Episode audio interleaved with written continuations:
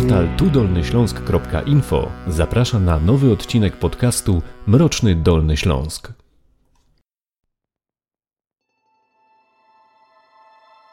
Książki są doskonałą rozrywką i narzędziem do zdobywania wiedzy. Czasem jednak książka może być dowodem, a jej autor mordercą. W 2000 roku we Wrocławiu zaginął Dariusz J. Po raz ostatni widziany był, gdy wychodził z biura. Podobno miał umówione spotkanie z klientem w sprawie kolejnego zlecenia. Zabrał ze sobą swoją teczkę, w której nosił gadżety firmowe. Przed biurem zostawił auto. Z tego co zeznali jego bliscy, nigdy wcześniej jednak tego nie robił. Na spotkania z klientami zawsze jeździł samochodem. Ślad po nim zaginął. Pod koniec roku znaleziono w Odrze jego związane sznurem zwłoki. Miał skrępowane liną ręce i nogi, na głowie widoczne ślady uderzeń, a na szyi duszenia. Prawdopodobnie żył, gdy wrzucono go do wody. Późniejsze wyniki sekcji zwłok zaś wykazały, że Dariusz przed śmiercią był maltretowany, kopany, bity tępym narzędziem i głodzony. Rozpoczęło się śledztwo. Początkowo policja prowadziła je w kierunku gangsterskich porachunków. Zakładano też, że motywem zabójstwa mogła być osobista zemsta.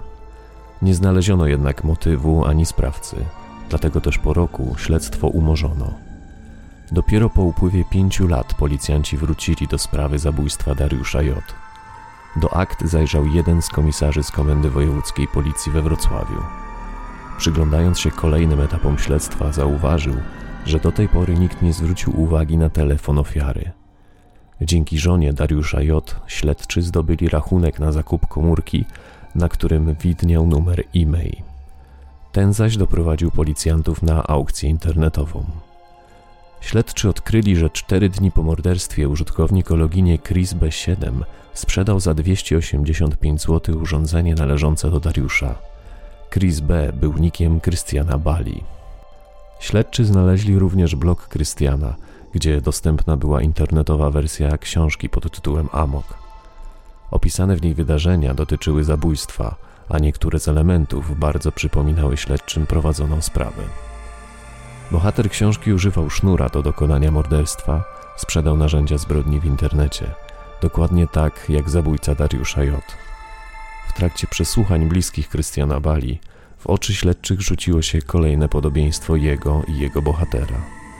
Obaj byli zazdrośni o kobietę. Policjanci odkryli także, że żona Bali, Stanisława, znała ofiarę. Firma zaś, której Bala był współwłaścicielem, złożyła zamówienie w agencji Dariusza J i zalegała przez pewien czas z płatnościami. Dodatkowo na dysku komputera Krystiana Bali znaleziono gromadzone przez niego informacje na temat ofiary. Ustalono również, że Bala dzwonił do Dariusza z budki telefonicznej, a karta, która mu do tego służyła, stała się jedną z najważniejszych poszlak w procesie. Kiedy toczyło się śledztwo, Bala był za granicą. Przez kilka lat zwiedził wiele krajów.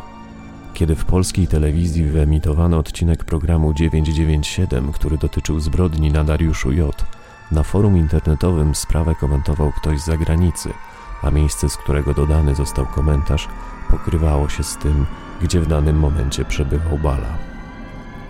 Toku postępowania śledczy ustalili także, że żona Bali, Stanisława, znała ofiarę. O tym, że kobieta się z kimś spotykała, jej były mąż dowiedział się od swojej księgowej. Policja założyła, że motywem zbrodni była chorobliwa zazdrość o byłą żonę. Bale aresztowano w styczniu 2006 roku. Do zabójstwa przyznał się tylko raz. Jego proces był głośny i spektakularny. Mimo, że w ocenie śledczych książka zawierała elementy bezpośrednio odnoszące się do zabójstwa, sąd jednak ten dowód odrzucił. Zdaniem śledczych Bala wywabił Dariusza J. z biura i z pomocą dwóch innych mężczyzn uprowadził go. Do dnia dzisiejszego jednak nie udało się ustalić, gdzie ofiara miała być przetrzymywana przed zabójstwem. Nie są znane również nazwiska osób, które rzekomo miały Bali pomagać. Wiele okoliczności zbrodni nie zostało wyjaśnionych. Za motyw działania zabójcy sąd uznał silnie negatywne emocje odczuwane wobec ofiary i potrzeba ich agresywnego rozładowania. Źródłem jego negatywnych emocji wobec ofiary musiał być zadawniony konflikt, a nie doraźna sytuacja. Krystian Bala został skazany na 25 lat więzienia w maju 2009 roku, lecz do dnia dzisiejszego utrzymuje, że jest niewinny. Zdjęcia związane ze sprawą oraz źródła znajdziecie na www.tudolnyśląsk.info. Tymczasem życzę Wam dobrego dnia lub wieczoru, w zależności kiedy słuchacie tego odcinka, oraz dobrych książek. Zapraszam na kolejny odcinek Mrocznego Dolnego Śląska już wkrótce.